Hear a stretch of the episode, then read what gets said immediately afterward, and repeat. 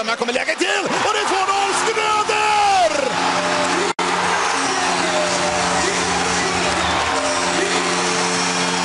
Och stället går bananas!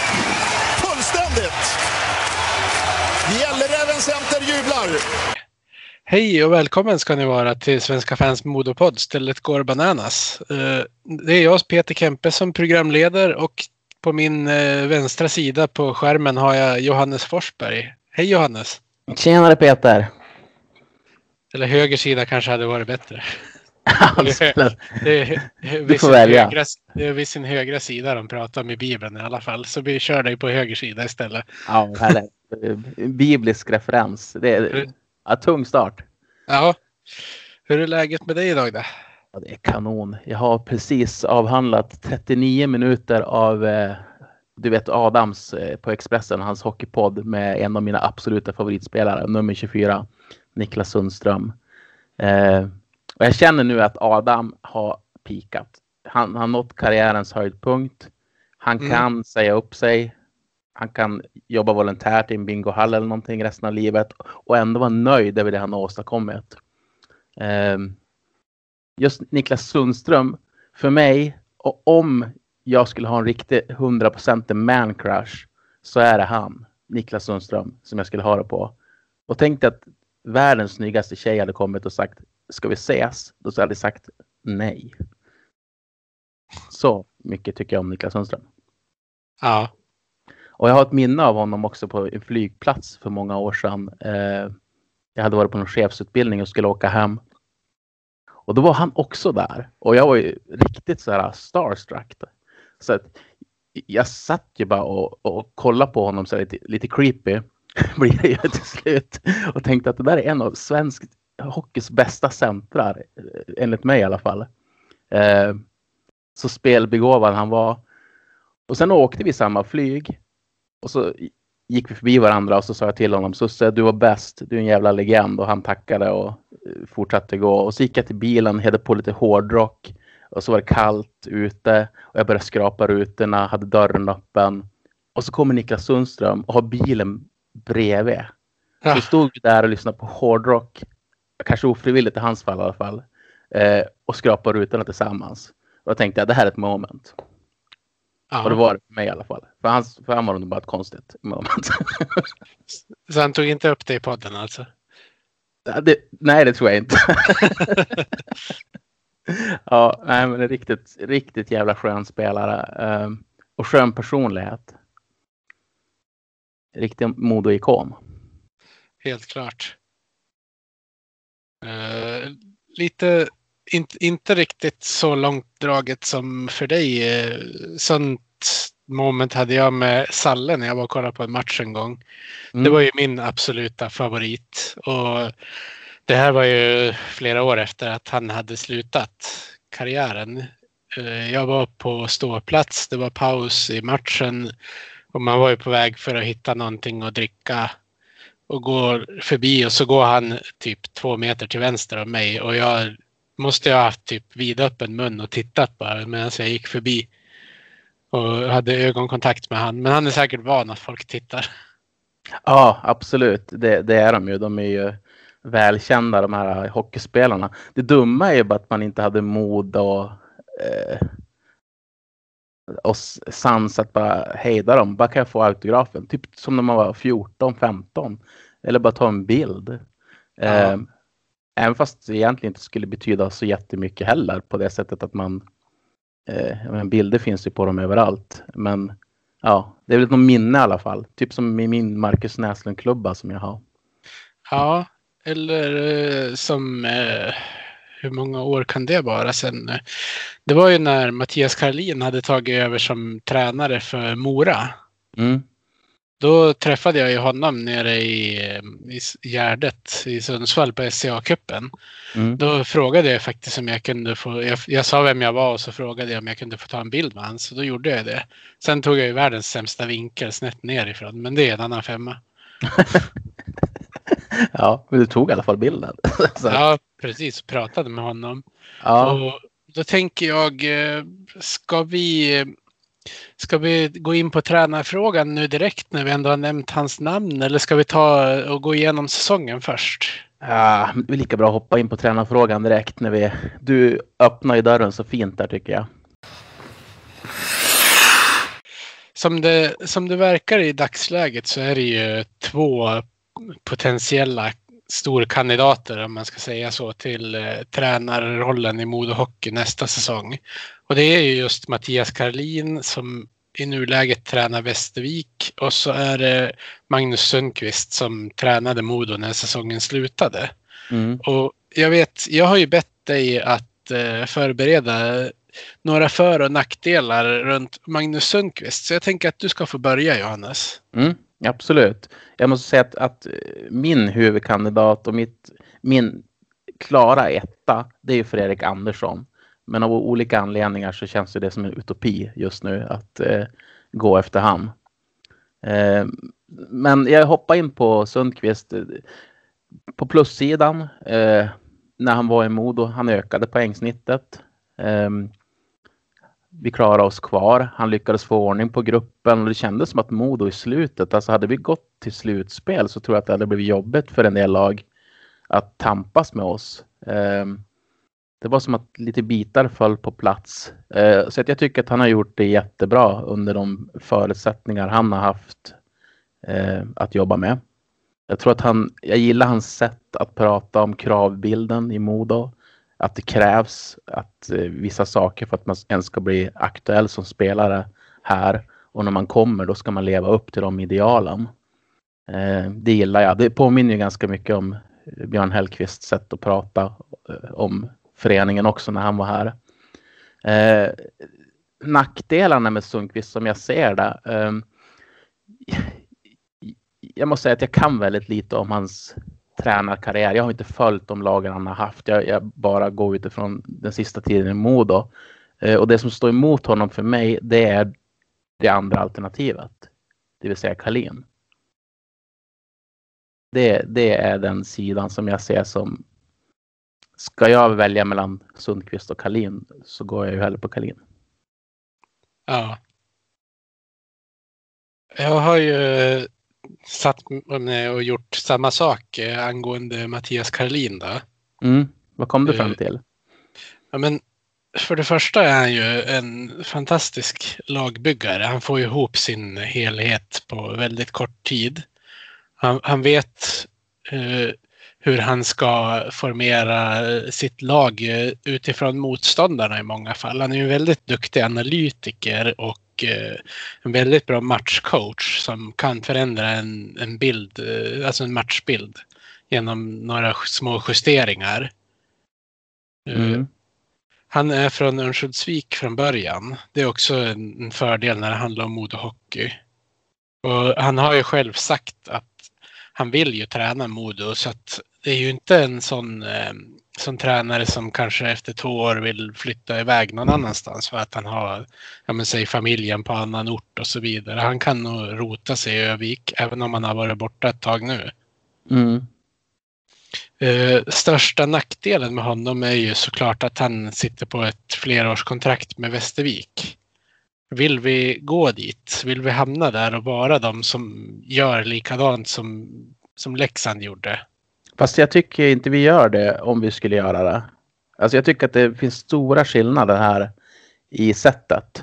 Eh, för det första så hade ju Björn skrivit ganska färsk kontrakt med Modo eh, i typ två månader innan cirkusen var igång.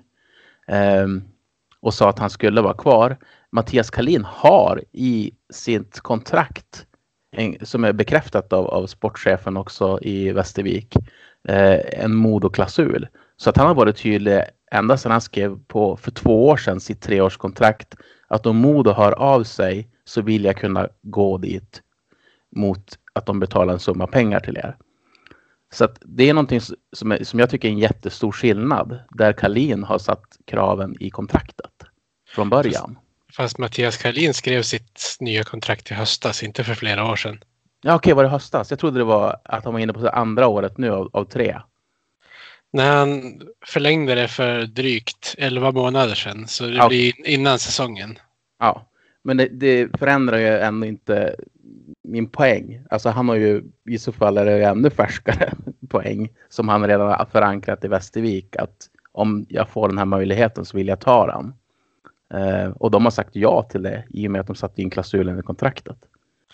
Ja, och sen gäller det ju hur, eh, hur man sköter det hela i så fall. Eh, oh ja. det, måste, det måste ju skötas på ett betydligt snyggare sätt om det ska vara så.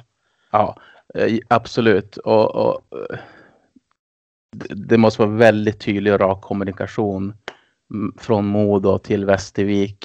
Det måste göras i god tid så att de också har tid att leta tränare om det är Kalin man vill gå på. Eh, jag har lite svårt med det här eh, argumentet som man ofta kör med att vi ska. Nu vet jag att du inte gör det, eh, men bara för att vi har en pojk som kommer från Övik så ska vi ta hem honom igen. Alltså det har inte funkat förut. Det funkar inte så bra med Fredrik Andersson som sportchef. Det funkar inte så bra med Per Svartvalet som sportchef. Alltså vi har jättemånga exempel vi kan ta där det inte har funkat bara för att de har representerat Modo och gjort det jättebra, deras, deras moderklubb, så är det ingenting som säger att det blir succé. Det verkar nästan vara svårare att lyckas snarare. Ja, en annan sak som jag har hört slängas ut som argument när det gäller Karlin är att han har ju bara varit i lag med små resurser. Men jag menar, vad har det med saken att göra? Han är beprövad på nivån han har tagit Västervik till att vara ett topplag i Hockeyallsvenskan egentligen. Mm. Eh, vad är det som säger att han inte skulle kunna lyckas när han får större resurser? Bara han får vara med och plocka in de spelare som han vill ha och ja, det, det också känns som ett sånt här Shohei-argument. Ja, ja, visst. Om, om du förstår vad jag menar. Ja, jag förstår vad du menar. Ehm, man sätter ju motsatser mot varandra. Eh, det blir svartvitt på något vis när man argumenterar. Det, det, är lätt att man hamnar där själv också. Jag har ju tidigare varit kritisk till Kalin för att han spelar en ganska tråkig hockey. Västervik tycker jag är det tråkigaste laget nästan i Hockeyallsvenskan att se på. Men han spelar utifrån sina resurser, precis som Sundqvist pratade om när han var och gästade vår podd. Um, att man måste göra. Och, och där har jag ju ändrat mig också. Det, det, är lätt att säga när man är ett topplag eh, som vi var i fjol att ja, men, det är den här hockeyn vi ska spela. Ja, men vi, vi var seriens kanske bästa lag tillsammans med Björklöven. Ja, det är inte så svårt då att spela bra hockey. Heller. Hade vi haft det här laget i år med Björn Hellkvist som coach så tror jag att det hade också, det hade garanterat blivit en tuff säsong också. Kanske två placeringar högre upp eller något liknande beroende på hur, hur det hade gått att få ihop allting. Nu har det ju varit en jättekonstig säsong i och med att vi har haft tre huvudtränare. Ja, jättemärklig. Men för mig av de alternativ vi har just nu, om man kan sköta det på ett jättefint sätt, öppna kort, Eh, så tycker jag att Mattias Kalin är den intressantaste tränaren som finns tillgänglig just nu, som jag har hört talas om i alla fall. Eh, då jag tror att Fredrik Andersson, att det, den dörren är stängd just nu i alla fall. Ja, för det känns ju som att både hans och Timrås första alternativ är ju en förlängning. Ja, och går de upp i SHL så är, är det väl antagligen bara stolligt att gå till ett krisande Modo. Ja, jag tror inte vi kommer hamna i, i, i det läget. Så då är det ju de här två som har nämnts som de mest tänkbara alternativen. Ja, jag, jag tror att det skulle funka bra med Sundqvist också. Att ha honom. Det känns ju som att både Kalin och Sundqvist skulle kunna bygga en bra grund eh, under några år. Och, men det som fördelen som du var inne på också, det är att om Kalin skulle lyckas med det så skulle han antagligen kunna bli en tränare med, som stannade ett längre, en längre period än Sundqvist. Ja, för det låter ju som att Modo är intresserad av att knyta fast en tränare på tre till fem år. Och jag tänker på Sundqvist och hans familjesituation till exempel, där han har barnen i Danmark. Vad, är det som säger att han ens vill bli kvar i tre år i så fall? Om det nu är det som är målet med tränarrekryteringen, då ser jag ju en klar fördel till Karolin när det handlar om det. Mm. Uh, det blir väl en flytt från båda familjerna oavsett, tänker jag. Västervik är ju som inte nästgårds ändå. Så det är ju barn och sådana saker måste ju flytta för att ja. det ska bli möjligt misstänker jag. Annars kanske vi hamnar i en Björn Hellkvist situation. det blir för långt att pendla. Ja. Um, ja, men tycker du att jag är fel ute? Tycker du att jag argumenterar konstigt när jag säger att det är skillnad på Hellkvist och Leksand, hur de agerade mot Modo? i Kalin-situationen. Grejen är att vi har ju inte gjort det här än så att vi får väl se hur det upplevs från Västerviks sida när det i så fall är klart. Om vi nu ponerar att det blir Karlin. Det är ju inte hundra procent säkert att det blir det heller. Nej, det är det jag tänker att om det skulle bli det. Tycker mm. du att det är likadan situation som Hellkvist och Leksand? Om Modo skulle ta Kalin till nästa säsong? Jag tror att gör man det i tid så de har möjlighet att ersätta honom så då kan ju det ses med lite blidare ögon än vad hela den här infekterade Hellqvist-storyn gjorde. Mm. Nu vart det ju... Det gick ju så långt att de var tvungna att kasta ut ett rykte från Sportbladet för att rädda Leksands ögon. Ja det är ganska illa när en, en betald hockeyjournalist springer kompisarnas ärenden för att försöka styra om fokus. Mm. Tänker Ros. ja, precis. Mm. Det, ja. Enligt Men, han så skulle ju Kalin redan vara klar för Modo inför den här säsongen också. Så. Ja, han skulle ju vara klar för ett år sedan ungefär. Eh, sista april skrev han väl det där. Ja. Och det undrar man också ju. Skrev han bara det också för att det skulle... För då hade ju Modo gjort exakt samma sak som Leksand. Ja, för då hade han ju precis skrivit under sitt kontrakt också. Ja. ja, det är Kalle Anka-nivå ibland på vissa. Ja, och så tänker man, sitter man och tänker att de där får betalt och vi gör det här på vår fritid och vi är professionellare. Ja. Men vem man än väljer och det kan ju vara så att det är någon annan person också som är aktuell som inte vi känner till än. Det är så viktigt att, att den här rekryteringen är klockren. Den som kommer nu på tränarsidan.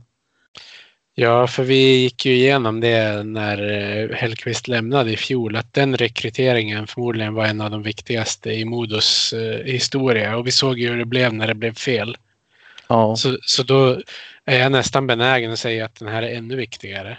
Mm. Ja, men jag håller med. För att nu, nu handlar det lite grann om att definiera uh, vad Modo ska, vilken, vart de ska vara i hierarkin de kommande säsongerna i Hockeyallsvenskan. Därför att storlönande budget är inte lika med en bra placering. Nej, det har vi märkt. Ja. Mm. Och bra spelarnamn är inte synonymt med bra resultat heller. Nej. Och med det sagt så tänker jag att då, då ska vi summera Modos säsong. Ja. För att när man tittade på lagbygget inför den här säsongen så var det ju flera bra namn som kom in. Ja. Men de, de namnen levererade ju inte som man trodde och hoppades. Och det är ju det är lite så. Det har ju varit en väldigt konstig säsong, Johannes. Hur, hur skulle du vilja summera den? Mm. Ja, men katastrofal. alltså, det där slaget som kommer efter det tunga slaget att vi får inte spela om SHL-platserna med den truppen vi hade i fjol. Um, och så kommer Björn Hellkvist härvan på det. som ger Modo dåliga förutsättningar. Alltså han betydde så mycket för, för klubben. Och han hade gjort så mycket under de här säsongerna han hade varit i Modo för att höja kravbilden och sätta ett spelsystem som var intressant. Han gjorde, var med och delaktig och gör bra värvningar som passade spelsystemet han ville spela och liknande. Allting raserar ju. Och, och Modo står ju egentligen på minus, flera minus när man ska köra igång säsongen. Så det, det, är svårt där och så Gladers första år också. Den ska bygga truppen. Eh, det är jätteviktigt att kunna bygga truppen tror jag tillsammans med den tränare också som ska ha laget. Och, ja, det är mycket som kommer, kommer efter känns det som. Ja, det vart ju inte de bästa förutsättningarna kan man ju lugnt säga. Nej. Vi hamnade ju nästan i, ja vad ska man säga, inte i motsvarande situation som Väsby som högst flux fick flytta upp en division men vi hamnade ju inte i ett bra läge i alla fall. Nej. De hade redan lockat in två, tre spelare med Hellqvist som tränare. Och det syntes ju direkt att en av dem kom ju aldrig in i, i spelsättet som Ville Nieminen hade. Jag tänker på Olhaver då som var en av dem som var först klara. Mm. Modo har ju använt ja, över 40 utespelare den här säsongen. Ja, och det är inget bra tecken. Alltså det är, det är ett tecken på lite desperation. Att man, ja, man försöker hitta, hitta rätt helt enkelt i någonting. Mm. Inom värmning och ha tur. Alltså det var ju ändå, vi fick en fråga om inte Harry eller Karlqvist hade kommit in, vad tror ni hade hänt? Eh, ja, jag vill knappt tänka på det. Alltså de har ju betytt jättemycket för Modo sedan de kom in. Ja, eh, det var ju alltså en. Har du sett en fisk som kommer upp på, på land någon gång? Ja. Men som, som inte kan ta sig ut i vattnet igen. Ja. Uh, jag tror Karlqvist och Harju var, var den där handen som puttade tillbaka fisken ner i vattnet igen.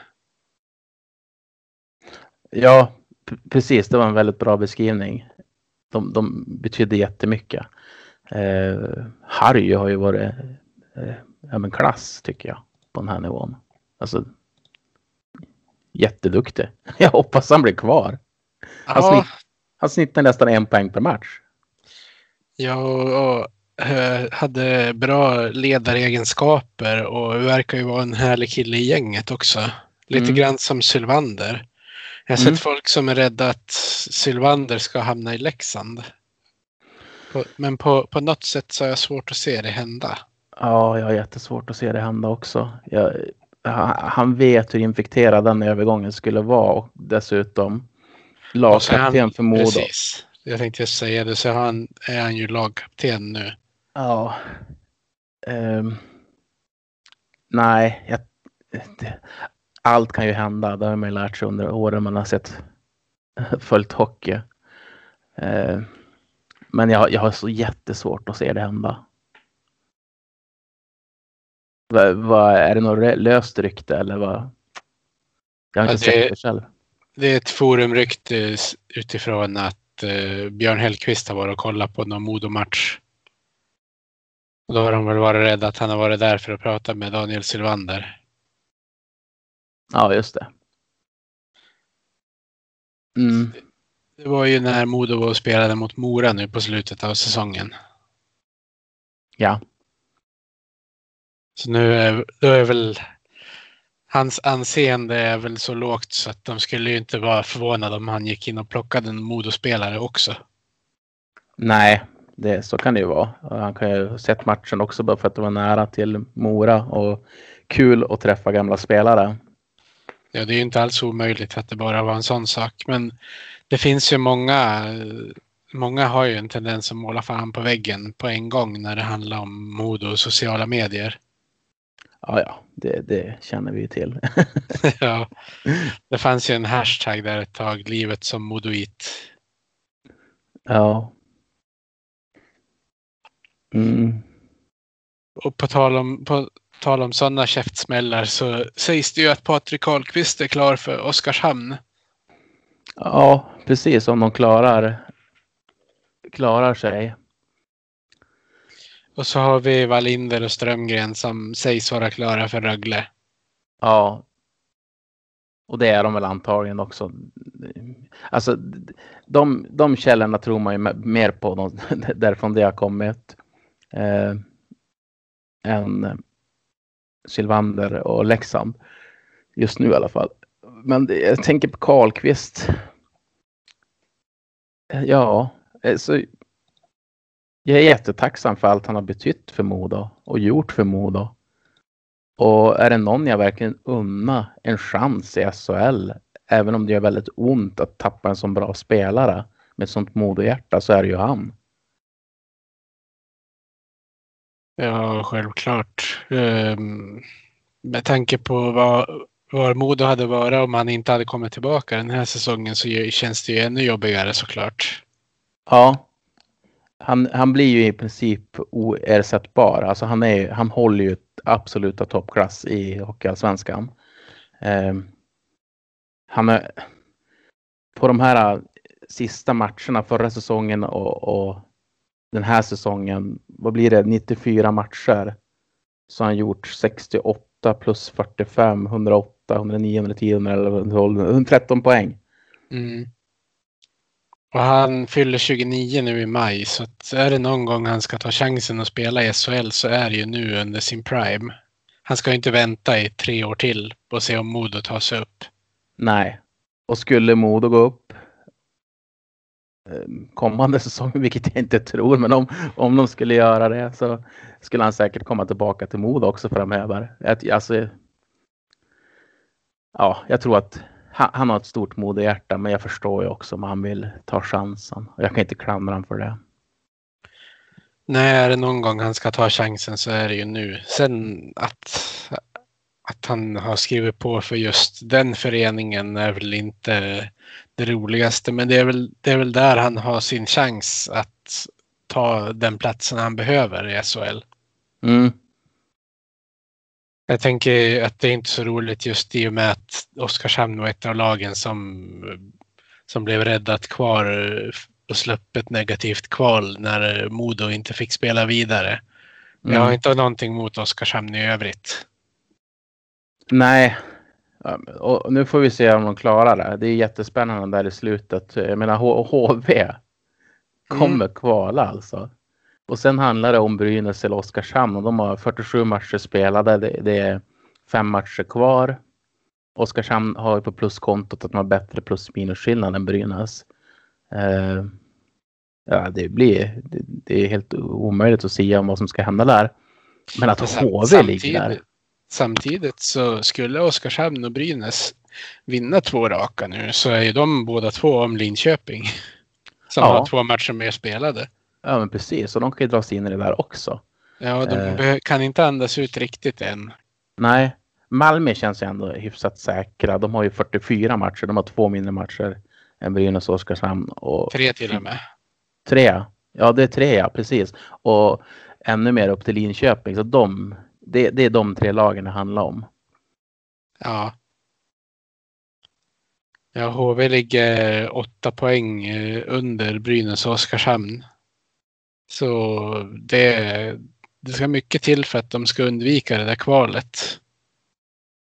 Det kan, kanske att det bästa vore för dem att de, eh, de inser att de ska hamna där och laddar om och kommer med lite färskare känslor när, när det är dags att spela än att de ska försöka komma ikapp och så skiter det sig i match 52.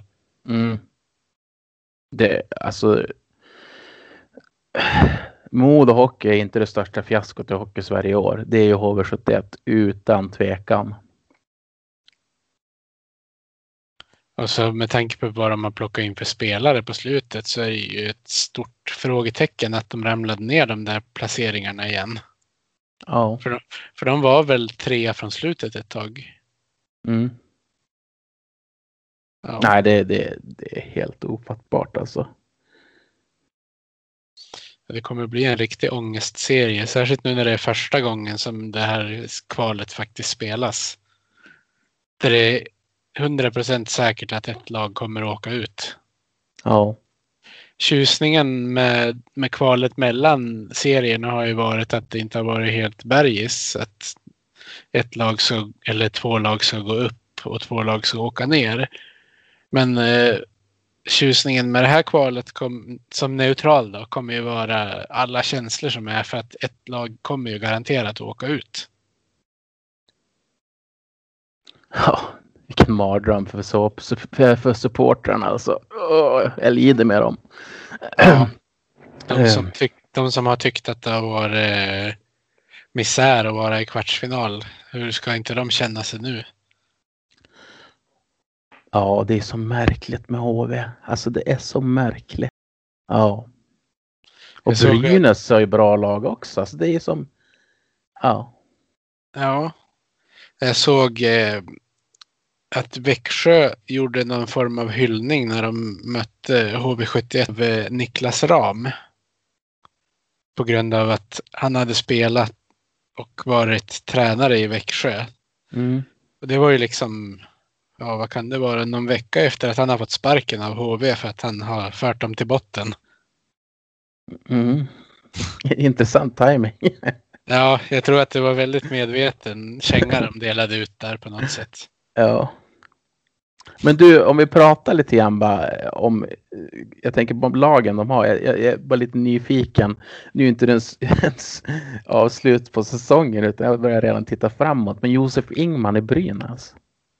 Ja, Jag tänker också Tom Hedberg. Om han skulle... Men Ingman, där måste man väl ha lagt ut en krok. Det, det har säkert gjorts tidigare också. Mm. Fast det var väl något rykte om att han var klar för någon annan SHL-klubb om inte jag minns fel. Det har väl snackats om Djurgården i alla fall. Just det, det var det. Det var det. Ja, nej, nu halkade jag iväg här. Men eh, ja, det ska bli jätteintressant att följa det där kvalet och se vilka som dimper ner i Hockeyallsvenskans djupa hål. Ja. ja det, vilka, vilka det än blir av de där så kommer det vara en, en ångestdrabbad förening i sommar som förmodligen inte ens har byggt ett lag för Hockeyallsvenskan. Lite som det blev för Modo första säsongen. De hade ju Ja. byggt ett lag för SHL Ja, och, och åkt ur. Svaga rykten har ju bland annat sagt att Elias Pettersson var klar för Modo då. mm. jag hö- hörde det. Jag hörde faktiskt flera namn som Ja. var klara att Modo hade på gång ett ganska slagkraftigt lag om de hade klarat sig kvar. Um, Viktor Olofsson har ju dessutom gått ut och det visste inte jag om. Han var ju klar för Frölunda. Mm. Men om Modo hade klarat sig kvar då hade han alltså han, han hade grejat till så att han fick spela för Modo. Han, han ångrade sig. Och sen var ju eh, den här högerplockande målvakten Jocke Eriksson var ju också klar. Han eh, var ju väldigt eftertraktad det året. Sen lyckades han ju inte lika bra i bland annat Brynäs. Nej, men nu avslutar vi fel säsong. nu måste vi fokus här. Men det, är så... det är typ en sån här nördpodd. Ja, Typ alla har ADHD. Så fort någon går in på ett spår så bara nördar alla in sig där. precis. Det här är SHL till Hockeyallsvenskan spåret. Ja. Ja. men, men eh, ska vi Men kika? om- Jag Okej. tänkte om vi gör så här Johannes. Vi kikar på vilka som har kontrakt över nästa säsong. Ja, bra idé. Då har vi till att börja med Anthony Peters. Ja, jättebra. Jesper Dahlroth, eh, Brendan Mickelson, Hugo Styf, Tobias Wiklund, William Wallinder, Alexander Ytterell på backsidan. Där kan vi ju stryka Wallinder på en gång. Mm, det kan vi göra. Eh, Brandon Mickelson hade en jättefin avslutning på säsongen. Vi får hoppas det blir en liten Hedman-effekt på honom. Ja, precis. Det, är ju, det känns ju verkligen som att han har mer att ge med tanke på hur det blev på slutet. Ja, absolut. Det kan nog visa sig vara, vara ja, vi får ge honom en chans nästa säsong, men det kan nog bli bra, tror jag. Ja. Alexander Ytterell har ju kontrakt ytterligare en säsong, precis som Tobias Wiklund också. Ja, och det känns som en jättebra värvning till Modo. Ja. Får bara hoppas att det inte är något SHL-lag som är sugen på han. Mm. Det är det som är nackdelen med att vara de här som ligger nere i Hockeyallsvenskan. De, Ja, får, ju- de får ju värva in vilka spelare de vill innan ett visst datum, bara så länge de betalar den här ersättningen. visst är det i, i, i juli någon gång, va? Det brukar väl vara i mitten av juli någon gång, men sen kan de ju värva spelare efter också om de löser det med klubben. Men Ja. fram, fram till där har de ju möjlighet att plocka hur som helst mer eller mindre. Ja, det är tufft läge och det är så svårt att ersätta en bra spelare så sent. Ja, Så, ja, då kan det ju lika gärna bli någon som kommer vid jul. Att när det fönstret öppnas så blir många spelare lediga från andra länder. Och, eh, men då har det ju gått typ halva säsongen nästan. ja. och man kan ju se hur eh, en bra säsongsinledning och en katastrofal säsongsavslutning kan göra att ett lag ändå kan hamna ganska bra. Mm. Jag tänker på Vita Hästen. Mm. De hamnade ju ändå rätt bra i, i slutändan. Ja, De hade ju hade Modo fått deras säsongsinledning så kanske vi hade lyckats ta oss till eh, plats 10. ja eller, tänk Björklöven. Hur mycket de har levt på första 10-15 matcherna av säsongen. Ja, De ja har- de tog, tog tredjeplatsen på minsta möjliga marginal. En pinne över Södertälje. ja. Vita Hästen slutar på 66 poäng och jag har väldigt svårt att se att de tog många av dem efter att Sörensen och kompani hade lämnat. Nej, precis. De, ja, han tog många poäng. Snacka om kanske den viktigaste spelaren för, för ett enskilt lag. Eh, var Sörensens tid under vita, i Vita Hästen. Ja, nu är det inte säkert att de hade åkt ur om de inte hade haft han, men de hade ju inte hamnat på elfte plats, det tror jag ju inte. Nej, han betydde mycket. Om vi ska återgå då till anfallarna som är kvar för nästa säsong. Det är ju det är Micke Ågård, det är Patrik Karlqvist som vi väl kan stryka mer eller mindre. Eh, Jeremias Lindevall, Sebastian Olsson, Linus Pettersson och Daniel Sylvander. Ja, ja, jag suckar inte för att eh, på grund av namnen utan jag suckar för att det är så, det är så otroligt. Alltså det blir ju till att bygga nästan ett nytt lag igen.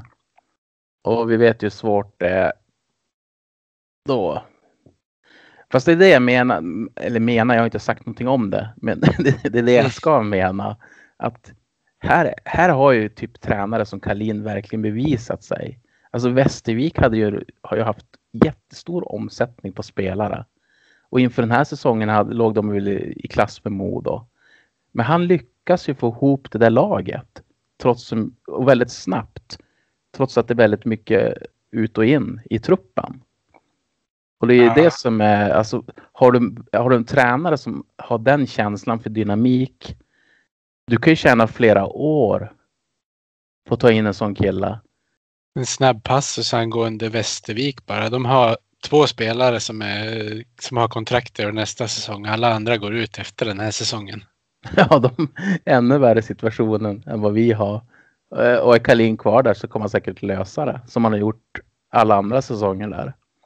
Ja, Så där, där tror jag, alltså just i det läget Modo befinner sig i, eh, en kille som kan få ihop laget så där snabbt eh, måste ju vara högintressant. Eh, såklart. Och det är klart han är det. Ja. Men det är mycket som ska in här. Jag vet ju att eh, Glader gärna vill förlänga med Harju. Det skulle jag, också vilja göra. Mikkel tycker jag känns som att ja, han, har kommit igång fint. Eh, eh, 21 mål. Ja.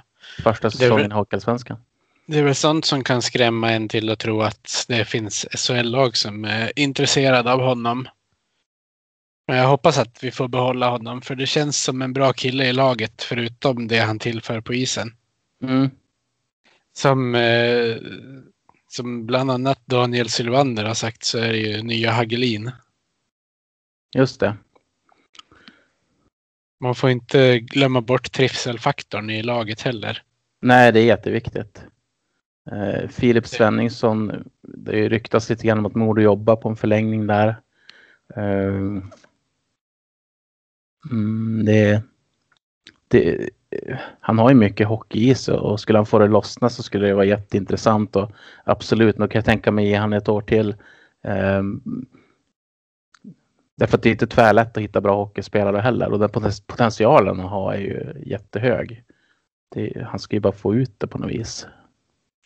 Ja, Hugo Styr har ju mycket ishockey i sig. Jag tror säkert han kan göra en bättre andra säsong nu när han har fått chansen att spela en hel säsong i Hockeyallsvenskan. Ja, Killen Men- är ju född 2002 så man får inte glömma det. han, han kommer absolut bli bättre. Både han och Wallinder har haft en jättesvår situation också där de har fått bära eh, istid och bli jätteviktiga spelare i laget. Fast, fast det inte ska vara så. De skulle egentligen få växa in på ett bättre sätt. Men med alla skador och problem så har ju de fått bära jättemycket istid. Vi har ju pratat om det i förra podden också ganska mycket. Ja. Ja, för backparet Styv Dalrot på förhand så är det ju inte Hugo Styv som ska vara den som ska försvara. Men det har ju fått bli så. Ofta har de ju spelat nere bakom eget mål båda två.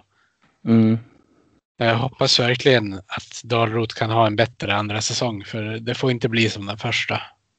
Nej, precis. Det... Anton Öhman tycker jag har... Han har gjort det bra i slutet också tycker jag. Han, han gjorde det, blev bättre.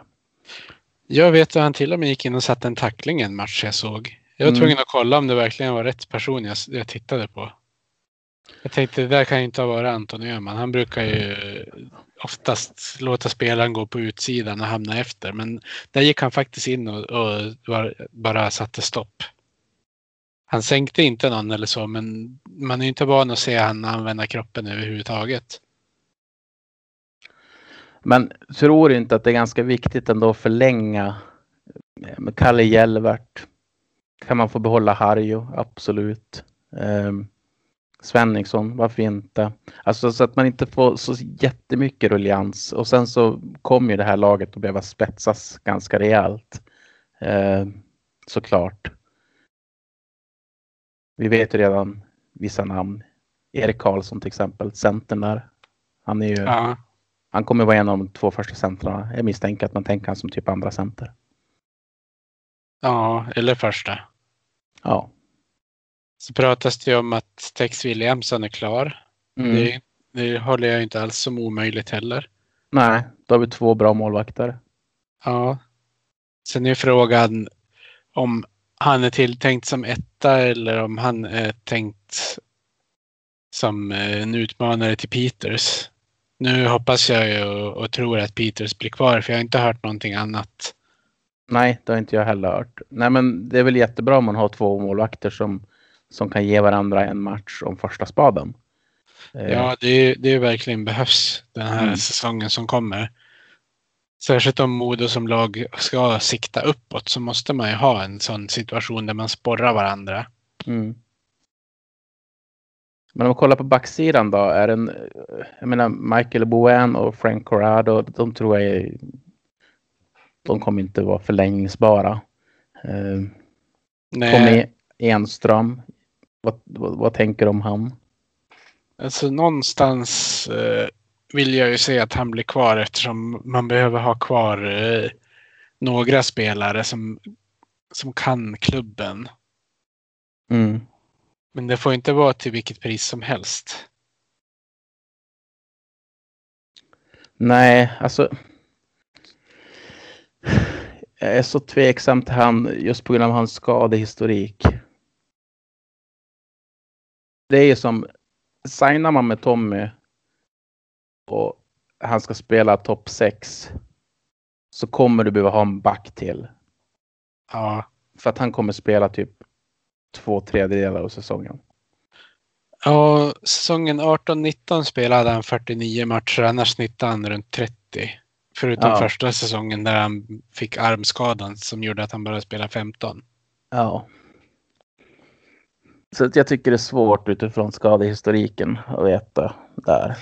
Ja, sen kanske han inte vill fortsätta heller. Det vet man ju inte. Nej. Vilka mer har vi? Vi har ju Lovrich. Just det. Frågan är ju om han ens är aktuell för en fortsättning. Med tanke på hur sporadiskt han användes i slutet.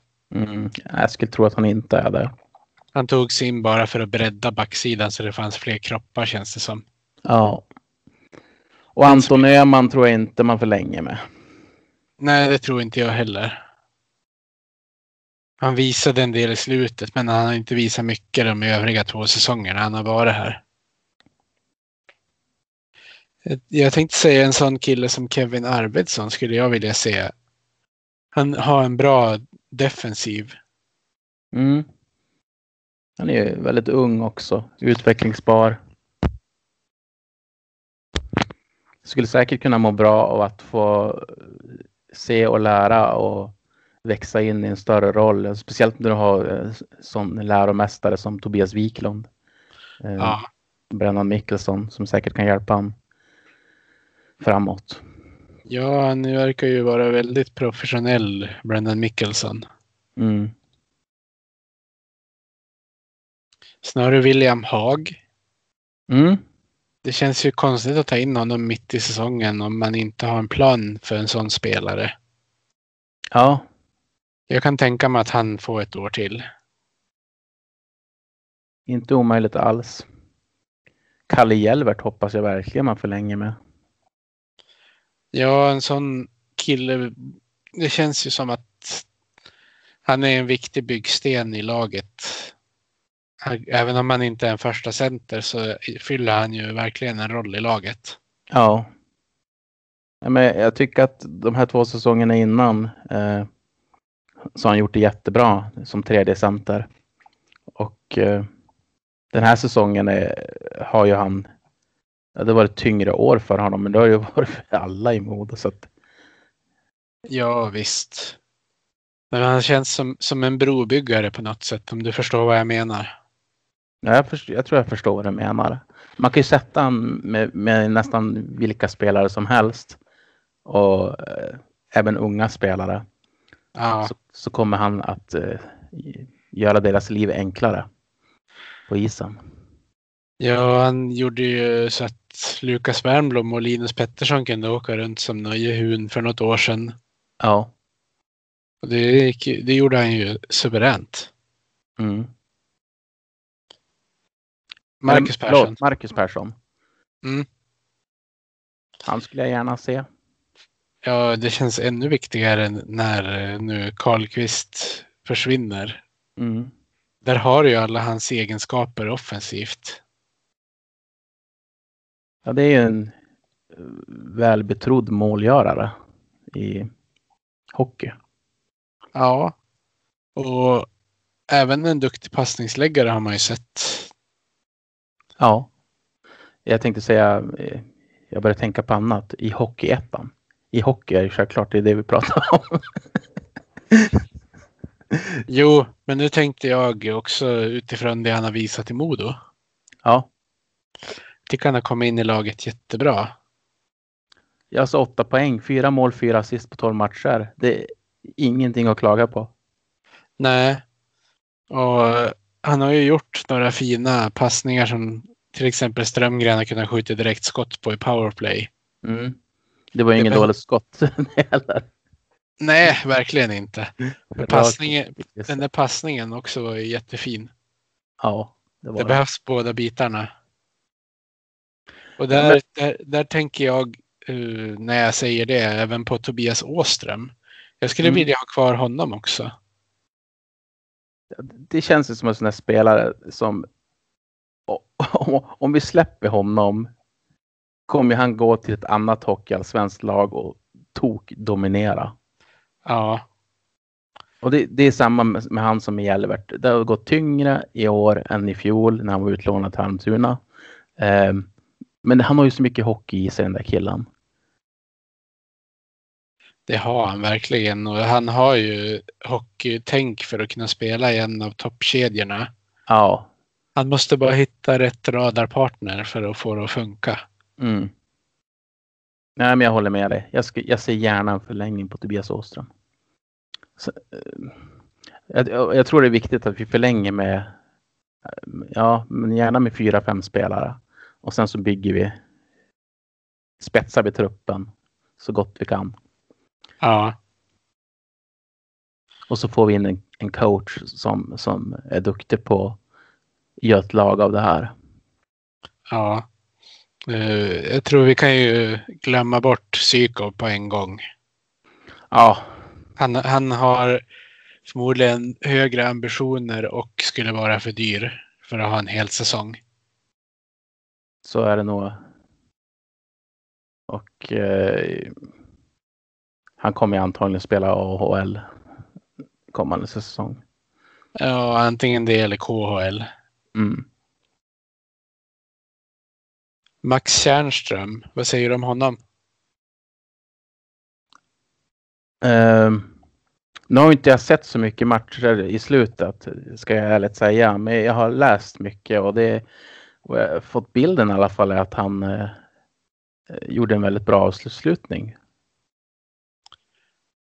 Ja, Fredrik Lader var ju inne på innan förra säsongen när vi hade honom som gäst att eh, han att Max Tjärnström var ju tilltänkt för att kunna vara en kille som stannade kvar i föreningen i, i flera år som man skulle kunna få ett gott jobb av. Så det är ju inte alls omöjligt att han också förlängs. Nej, Det är, ju- det är ju inte en kille för toppkedjorna utan det är ju en för eh, kanske kedja fyra och boxplay bland annat. mm. Så man behöver ju ha spelare som kan fylla sådana roller också. ja, det är jätteviktigt. Det är bara att kolla på eh, Sylvander, Björklund och Hägga i fjol. Ja, Hur viktig var inte de i den truppen? Shutdown-spelare som mötte de bästa men samtidigt, samtidigt kunde de peta in ganska mycket puckar också. ja. Ja, Magnus Häggström kommer ju vara väldigt saknad nästa säsong. Åh ja, det kommer han vara.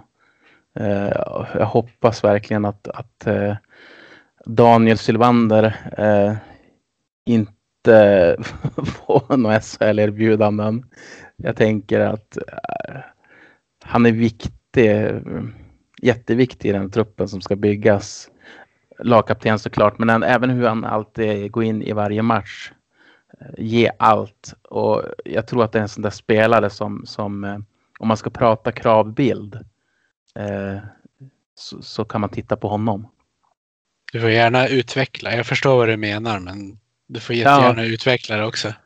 Ja, men jag försökte göra det. Alltså att han ger ju allt varje match. Eh, och det spelar ingen roll vilken roll han har i laget. Så, så kommer han alltid ge 100 procent för, för laget den matchen. Eh, och så är det jättekul att han har fått utdelning nu också som han inte har fått tidigare eh, och gjort massa poäng. Eh, det har kommit genom hans hårda arbete. Men sen även utåt i media. Hur, hur, hur bra han är, hur bra han pratar om Modo. Eh, alltid se saker från, från ett positivt perspektiv även fast det är tungt. Alltså jag tror att det är en kille som man kan titta på honom och se kravbilden som, som Modo bör ha på en spelare. Du gör jobbet 100 procent. Vi slappnar inte av när vi gör våra byten. Och så utåt så är han ju jättebra också i media. Och han är inte rädd att använda sin storlek heller på isen. Nej, nej, det är han ju absolut inte. Det, det ska han ju göra också. Har man 103 kilo och proppa någon med, det, det vore jätteroligt. Ja. Jag hade ju med honom i, i min, eh, min egna podd som jag har startat. Ja, den var jättebra. Eh, jättebra avsnitt var det också med, med Sylvander. Han måste jobba på norrländskan. Det måste du prata med honom om. Eller antingen om du tar honom in i din podd igen eller att vi har honom som gäst i vår.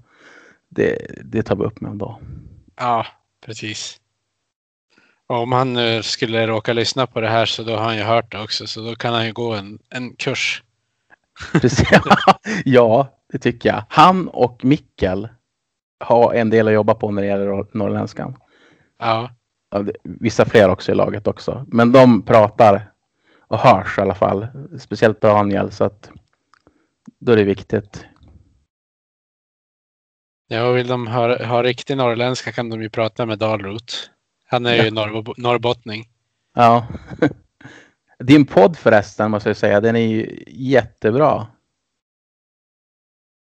Jättekul. Tackar. Det är jättekul att få lyssna på en modopodd där man inte vet vad som kommer. ja, jag förstår vad du menar. Jag får se hur det blir när det är off-season. Om man orkar hålla samma tempo då eller hur det blir. Men det är, som det är just nu så känns det ju fortfarande kul att snacka hockey och då blir det ju lite bättre avsnittsfrekvens också. Mm. Ja, men vi får hoppas att du, du känner suget under sommaren också. Det skulle vara eh, härligt att promenera här runt Nydalasjön och lyssna på eh, hockeypoddar. Ja, jag lyssnar ju aldrig på våra egna så att jag tycker att du får ta det ansvaret. Silvander får gå en Norrlandskurs och du får podda. ja. Jag, jag brukar ju sällan lyssna på, på det jag har spelat in själv heller. Jag kan lyssna på så att intron och sånt här låter bra när, när det är publicerat. Men det är väl någonstans där gränsen går.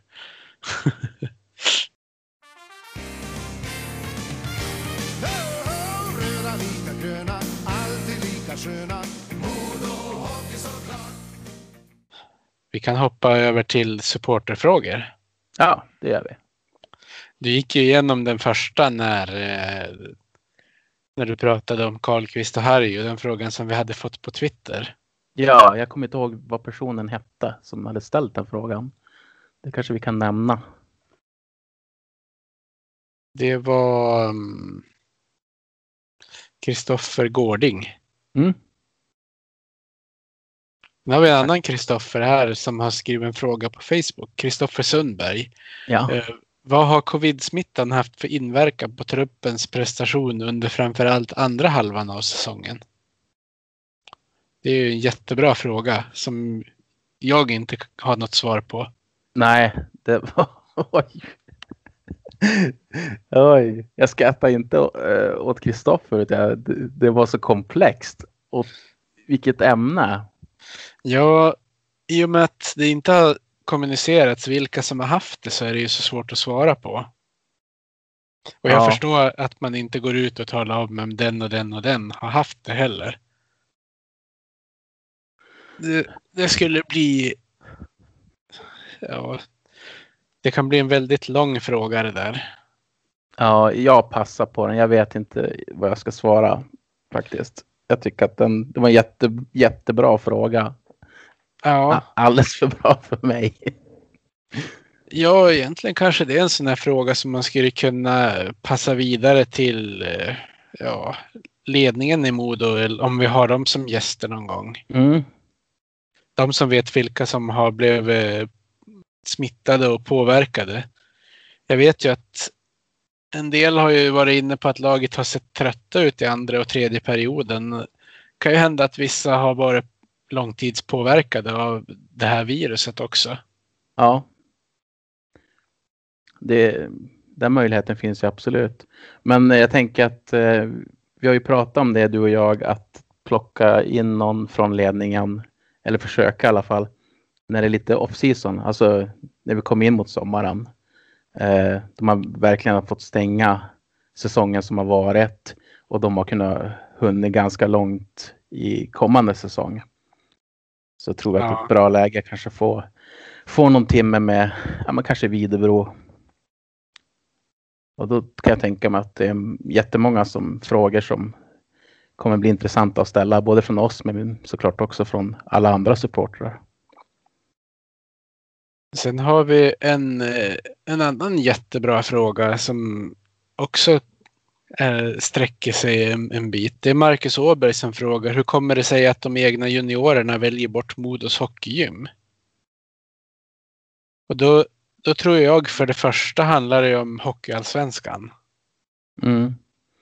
Det andra det är väl beroende på vilka kompisar de har. För att de flesta har väl spelat hockey med några överåriga om man säger så.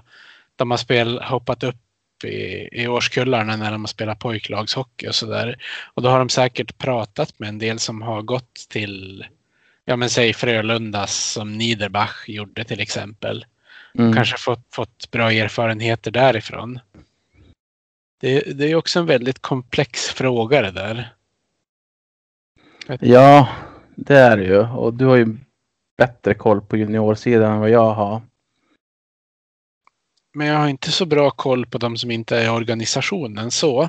Men det är säkert många som, som har gjort som eh, ja, men Niederbach och valt en, en, en förening som ligger i SHL med tanke på var Modo ligger i näringskedjan. Ja, Sen kan jag tänka mig, nu, nu gör jag en, en liten egen reflektion här. Men om man tänker på en sån kille som William Strömgren nu till exempel. Om vi säger att han, han skriver med Rögle. Det finns ju inte en chans att han kommer spela med dem i SHL nästa säsong. Inte Nej. om de ska vara ett lag som utmanar om SM-guldet dessutom. Däremot så har ju de på så sätt skrivit åt sig ett år extra NHL-pengar när han kommer flytta över. För det kommer han att göra någon gång. Ja, det är mycket strategi i, i sådana beslut också såklart. Eh, och det kan ju hända att Rögle skriver han till sig och sen så lånar de ut honom till Modo resten av säsongen. Alltså det, så kan det ju bli också. Men då har de ju ändå säkrat upp pengarna. Ja, precis. För det spelar ju ingen roll vilket lag de är utlånade till så länge de har kontraktet med dem. Mm. Nej, det var också en svår fråga för att jag har ingen koll på vilka som väljer bort hockeygym i Övik.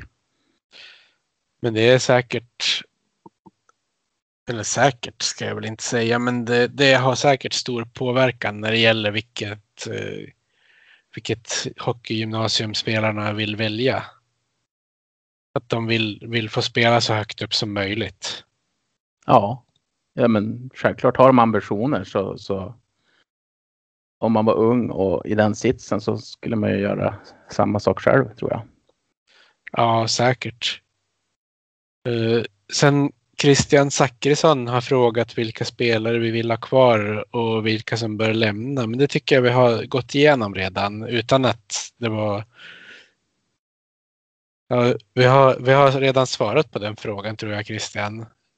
Jag hade mm. läst den innan men det är ju en sån här grej som som, in, som liksom nämndes i förbifarten ändå. Men det är, det är en bra fråga det också. Hade vi inte gått igenom det innan så hade vi såklart gjort det nu. Ja.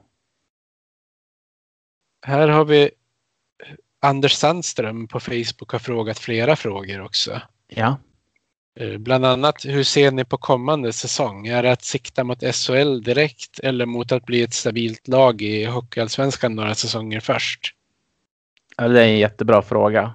Eh, det är klart att har man chansen att gå upp i SHL nästa säsong så är det ingen som kommer säga nej, vi gör det inte. Men jag tror att det han menar är, har vi potentialen överhuvudtaget att göra det? Och det tror jag nej, det, det tror jag inte. Jag hoppas att vi kan ta oss till slutspel nästa säsong. Jag tror ju att man kommer vilja bygga en, en trupp för att ha chansen att ta sig upp. Eh, en förening som Modo ska ju alltid ha det som ambition. Ja, och det, Sen tror jag man, det kommer man ja. säkert göra också rent lönebudgetmässigt. Eh, att man kommer ligga bland de högsta lönebudgeterna igen. Men, men jag, tror, jag tror inte att man kommer klara att ta steget. Nej, det, det är ju två helt skilda frågor i sig. Mm. Jag tror att då kommer ju tränarfrågan att bli extra viktig. Ja, Och få, få ihop gruppen från början.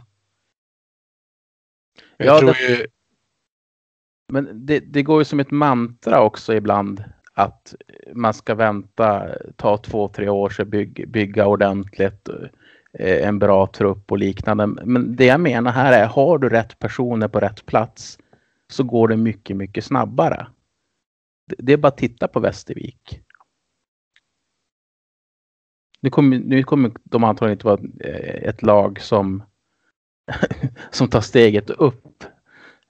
Men utifrån sina resurser så har de ju blivit topplag i, i Hockeyallsvenskan.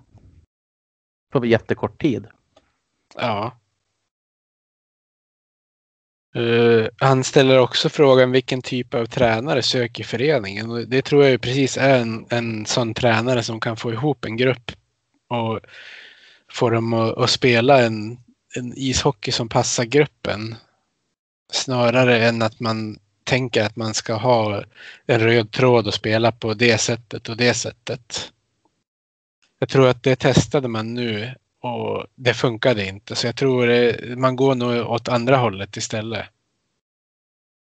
Ja, jag tror att du, du är inne på, på en bra poäng där. Jag tror, jag tror också det. Han har även frågat kommer du lägga större vikt vid försvarsspel? Och det tror jag också är inne på tränarfrågan. Ja. Och gör man inte det då, då är det ju bara eh, packa ihop. Kommande Ja. säsong också. Ja, ja, men nu, nu eh, gör jag en hädelse mot dig Johannes som hejar på Liverpool och citerar Sir Alex Ferguson. Mm. Eh, anfall vinner dig matcher men försvarsspel vinner dig titlar. Står Mourinho och sura i ett hörn när han parkerar bussen. Men det har ju Ja. funkat ganska många gånger för han också. Att vinna saker genom att göra så. Ja, så jag tror absolut att man kommer lägga mycket vikt vid försvarsspelet. För att man ska inte behöva göra sex mål framåt för att vinna en hockeymatch. Nej, då är det någonting som är fel. Och gör man det och inte vinner matchen klart så är det också någonting som är fel. det, det, är väl- det har ju varit Modos problem. Att man har kunnat göra sex mål men ändå förlorat. Ja, Ja, nej, det är riktigt illa. Nej, men helt klart. Det, det, de, de måste lägga jättestor vikt med hela spelsystemet, med hela spelidén. Eh, de måste vara jättenoggranna med spelarna och ta in. Och som du sa Peter, den viktigaste rekryteringen, tränaren, måste komma på plats. Och därifrån ska man bygga eh, det sättet som ska ta det här, den, de här modoupplagorna som kommer framöver nu till, till ett absolut topplag. Och Går vi upp i SHL nästa säsong, då kommer jag jubla jättemycket såklart. Men jag tror att man kommer behöva mer tid på sig ändå. Men jag tror att den tiden kan förkortas avsevärt genom att ta in rätt person som tränare. ja. Och skulle Modo gå upp nästa säsong då vill jag att du står framför eh, vad heter det, A3 Arena i Modotröja och sjunger och lägger upp det på Twitter Johannes. Lovar du att du gör det? Jag lovar att jag gör det. Jag lovar att jag gör det oavsett om de går upp eh, den här säsongen eller nästa säsong. Eller, så länge vi har Modopodden så lovar jag att göra det. Perfekt. Eh, det här är ju en, en väldigt komplex fråga som också kommer från Anders. Finns det någon möjlighet att styrande har lärt sig något av det som har pågått sedan senaste SM-guldet? Oj. Det känns ju som att det tog jättelång tid för Modo att landa i att man inte var ett SHL-lag, att man inte var ett topplag. Eh, och lärdomarna är ju så färska också. Så att, och det är så många personer som har gått och kommit sedan dess. Så jag vet inte om man, om man analyserar så mycket mer än, än den här säsongen och försöker dra lärdomar från den. Nej, alltså hur som helst så har det ju varit mycket hybris i föreningen. Jättehybris. Man, man har ju märkt liksom, vi ska ju, det är våran självskrivna rätt att ha en SHL-plats känns det som ibland. Jag tror, jag tror att man har blivit mer ödmjuk genom varje säsong man har blivit kvar i Hockeyallsvenskan. Och sen, man ska ju som sagt alltid ha ambitionen att ta sig upp i SHL i och med att Modo är en, en sån förening. Men man ska inte utgå från att man inte behöver jobba för att ta sig dit. Nej, men det, det känns ju som att i princip allting som den här säsongen har lett till kan ge otroliga lärpenningar som man kan ta nytta av till kommande säsong.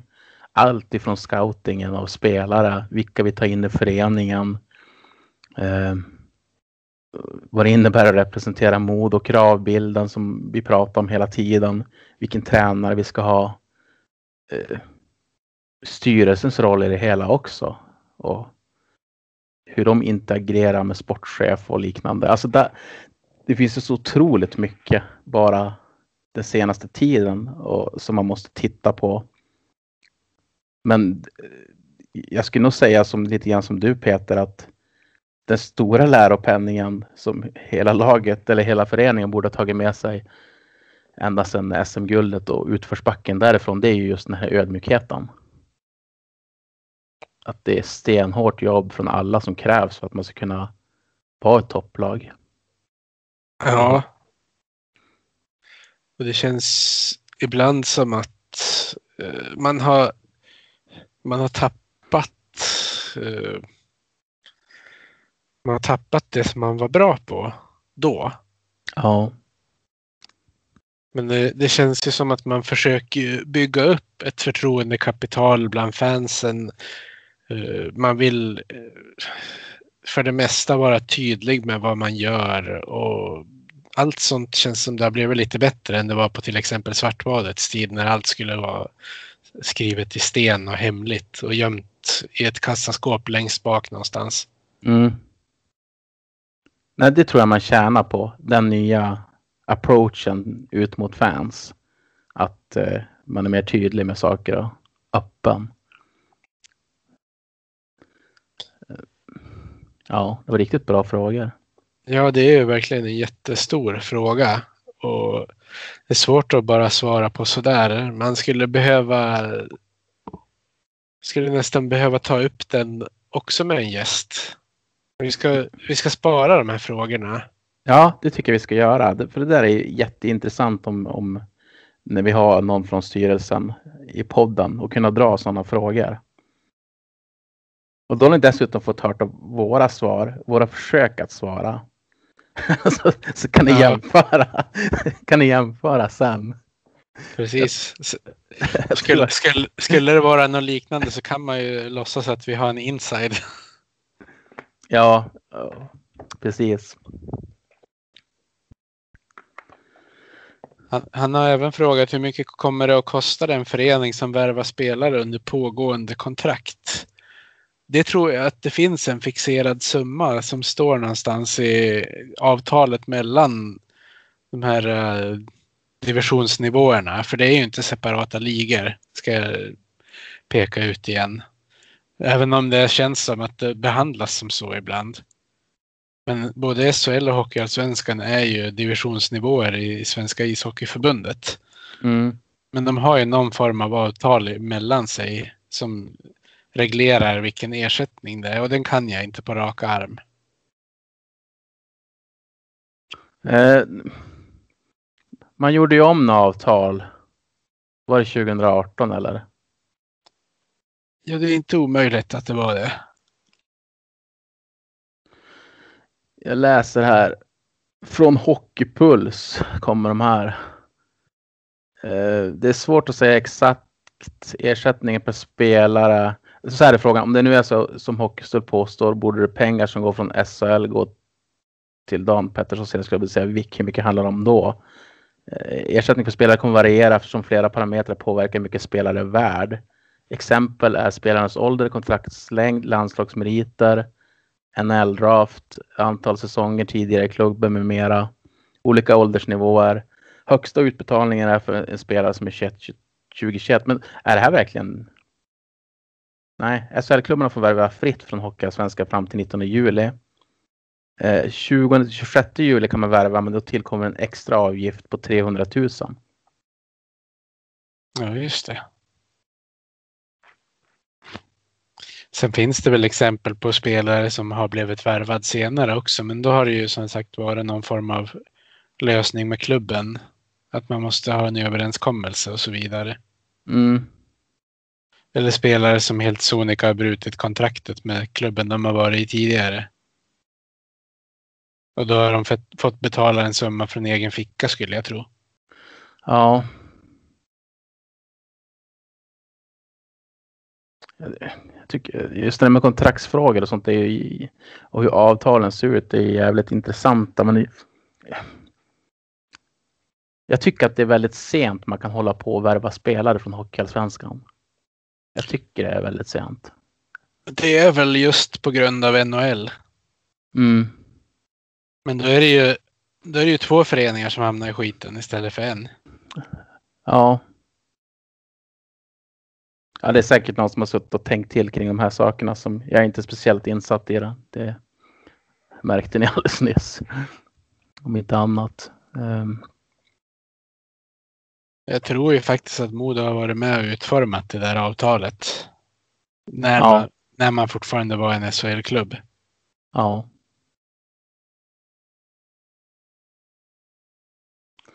Det tycker jag, alltså en hyllning till Modo Hockey i denna corona-säsong. När man ligger så risigt till i Hockeyallsvenskan. Vi är en hårsmån ifrån att vara ett av lagen som går till negativt kval. Även om poängdifferensen växte ju i slutet, men det hade lika gärna kunnat vara några förluster så hade vi varit där. Men inte en enda gång har jag sett någon ur ledningen i Modo gått ut och pratat om att man ska stänga ligan. Som man gör och gjort i SHL. Med klubbar som där ligger och närmar sig negativt kval. Ja. Och att man gör det så sent in på säsongen också. Man har spelat över 40 matcher och man går ut och börjar gråta i media och tycker att man ska stänga säsongen. Osmakligt.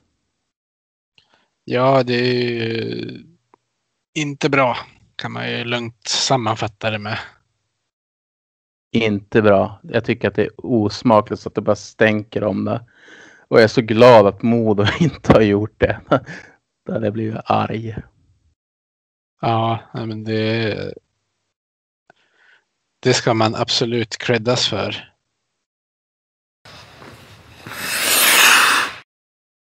Vi, vi är ju inte många dagar ifrån eh, 100-årskalaset höll jag på att säga.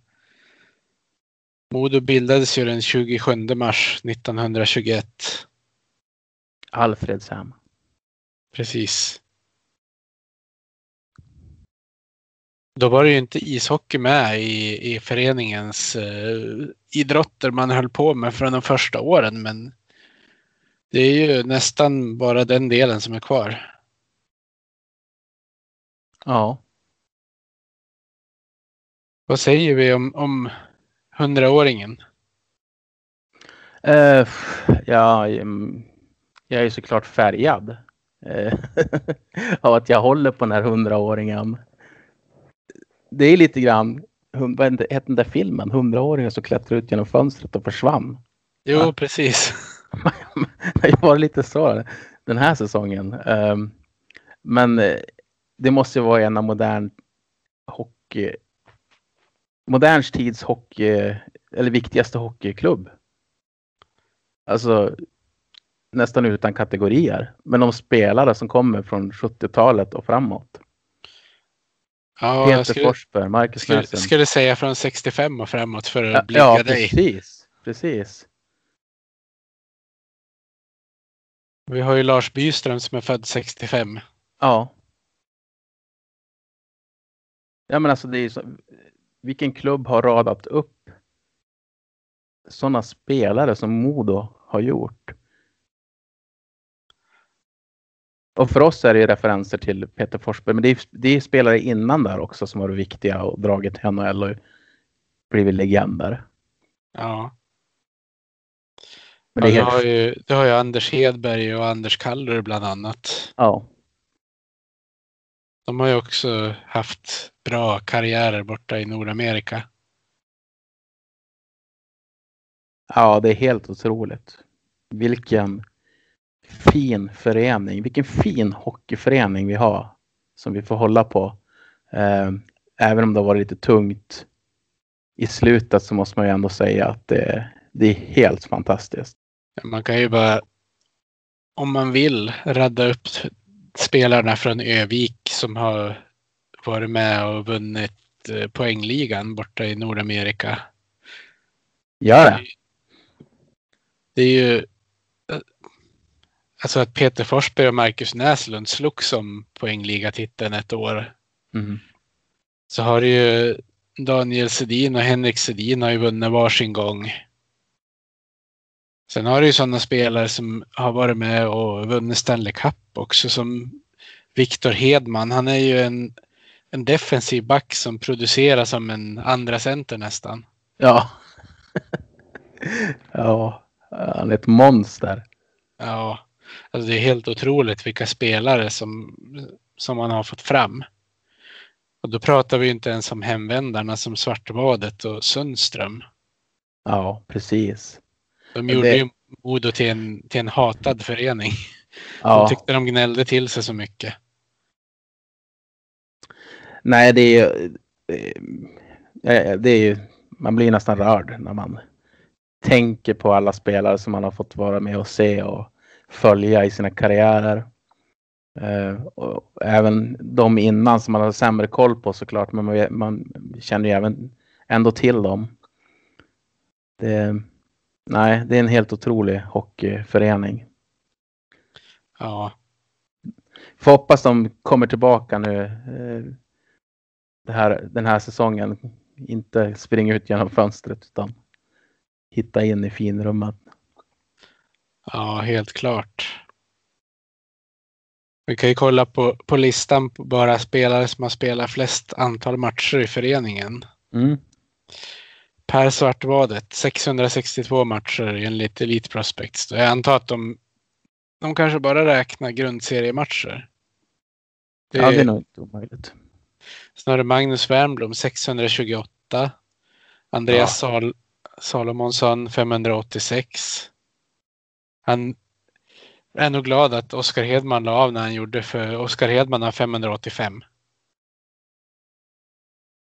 Och sen har du Robert Frestadius 578. Det är bra namn. Det är bra namn. Vi kan ju dra pensionerade nummer också.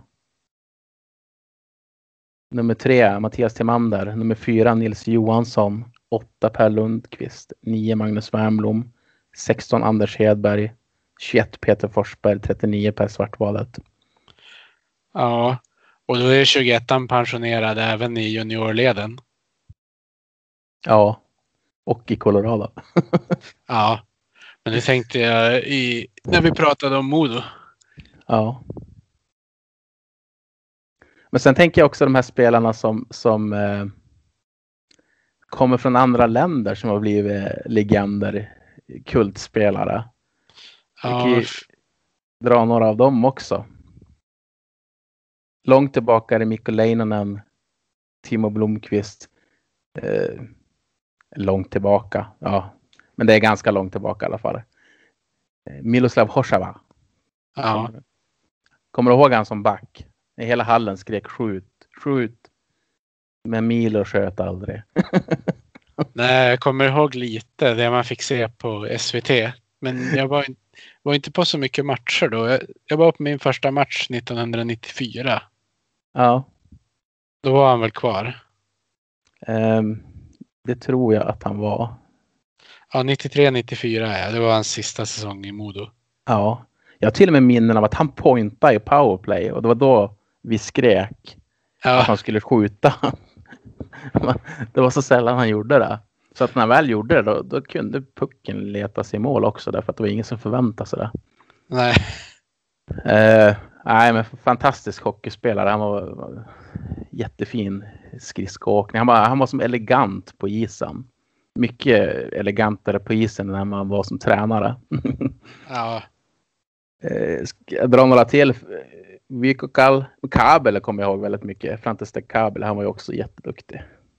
En, en av dem som har varit eh, mest utstående måste ändå ha varit Viborny. David Vibornia, ja.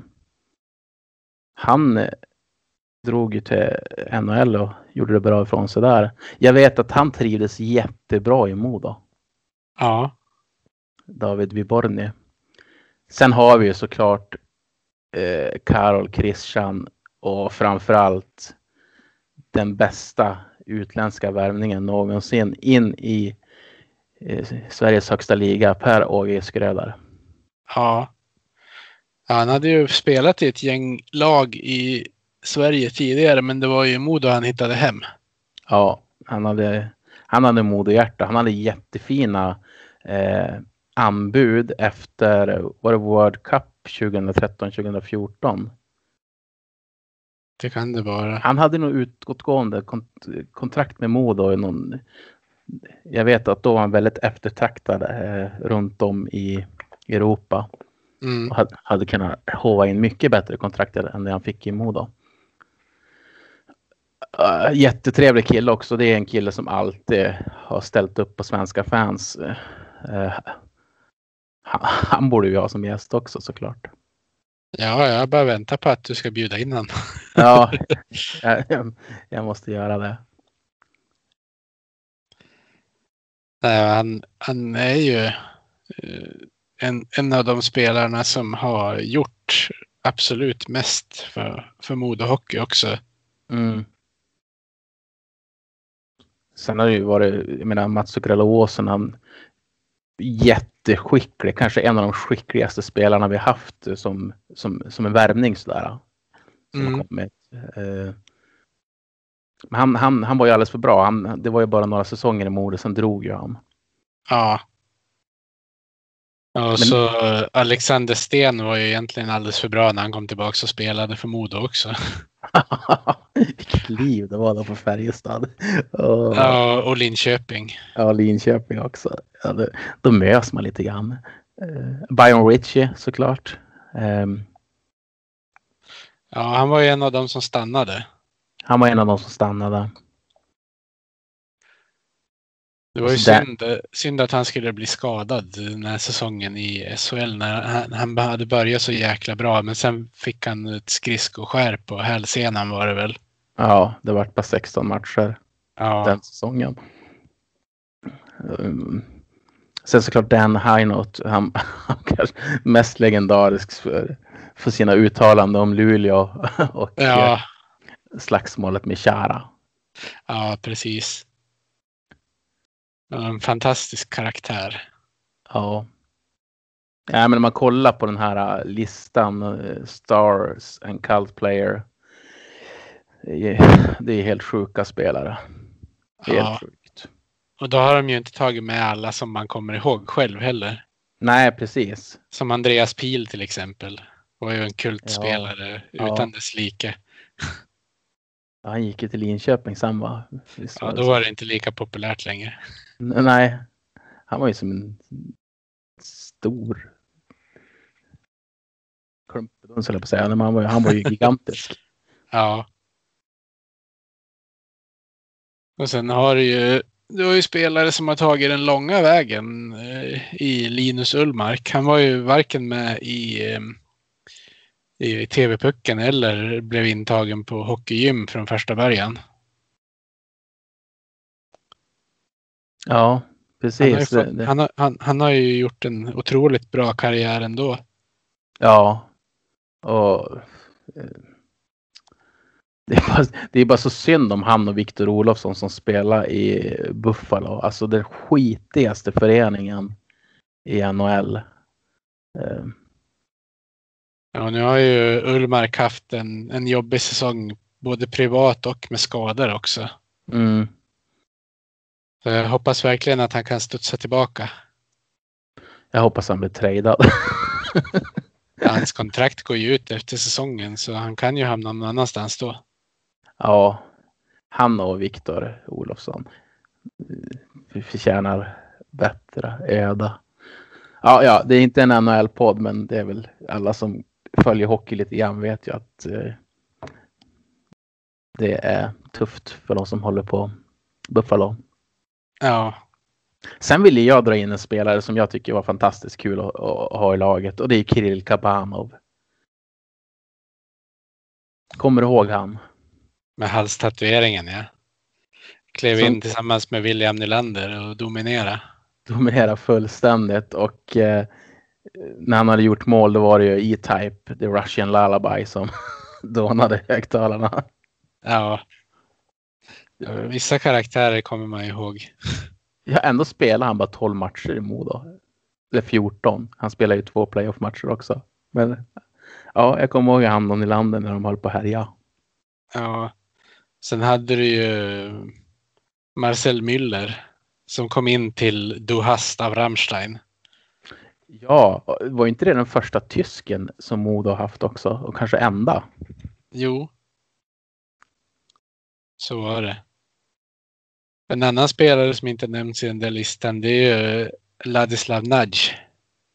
Ja, just det ja. Och vem glömmer inte... Det, det, man kan inte glömma kvalspelet. Var det när Andreas Johansson var coach eh, i Modo? Ja, var det inte Challe? Ja, Challe var det. Andreas var assisterande. Ja, Challe var det. När han och, vad hette den andra, Barto, Bartetsko. Barteccio. Varenda offensivt byte bara slänga in dem och de bara tok dominera.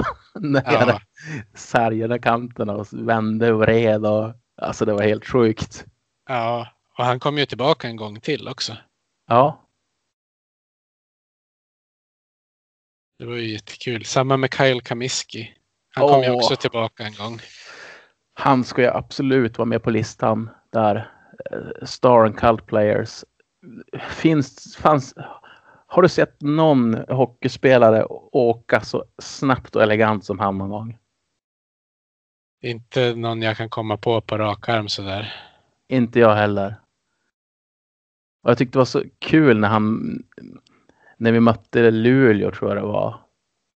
När eh, Abbott-bröderna var inne och Kyle tog pucken typ i egen blå. Och sen så gled han typ från rödlinjen. Och Abbott gjorde allt han kunde i sin backchecking. Åkte som en furia medan Kyle bara gled förbi honom in i Ja. friläge och satte den.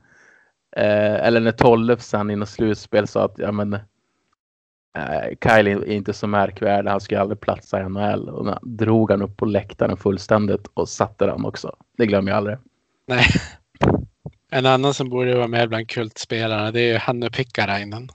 Ja, just det. Han ja. Han var riktigt bra.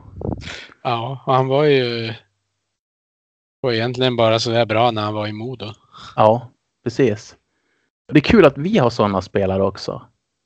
Ja, Så, att, så att det inte bara är tvärtom. Vi tycker ofta att det, när spelare lämnar Modo så blir de så jävla bra. ja. Precis. Nej, det- det, Det som har varit roligt med Modo det har ju varit att det har ju alltid funnits några spelare från närområdet som har varit med också. mm.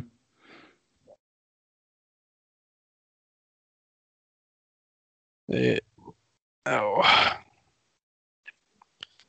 Ja, men det kanske blir en bra avslutning på podden där att vi fick nörda in oss i hundraåriga kalaset och lite spelare som har florerat i klubben. Vi har säkert glömt jättemånga som ni tänker på. Men då får ni gå in och kommentera under på Twitter eller på Facebook. Dra era egna Modominnen. Kan vi inte få utmana er på det? Det vore jättekul. Så kan Det man läsa upp en, en del nästa gång vi spelar in en podd. För det är Ja. ju ändå 100-årsjubileum eh, året. Jag tycker vi gör det. Vi, kom med era sköna Modo-stories. Eh, vad det än kan vara. Eh, vi tar det i nästa podd. Supportrar till supportrar. Vi myser lite grann till partyt där.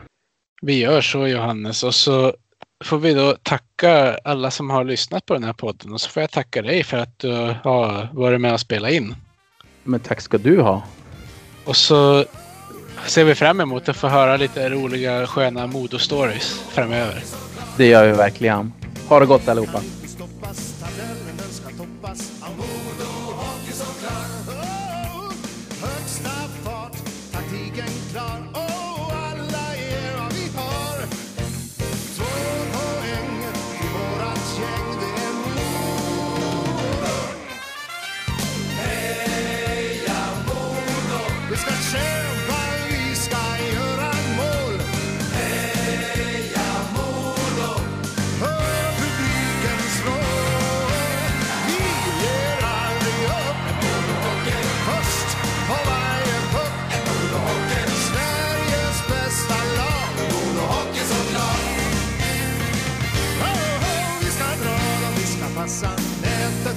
Nätet rassla. Modo Hockey såklart. Här är en för alla.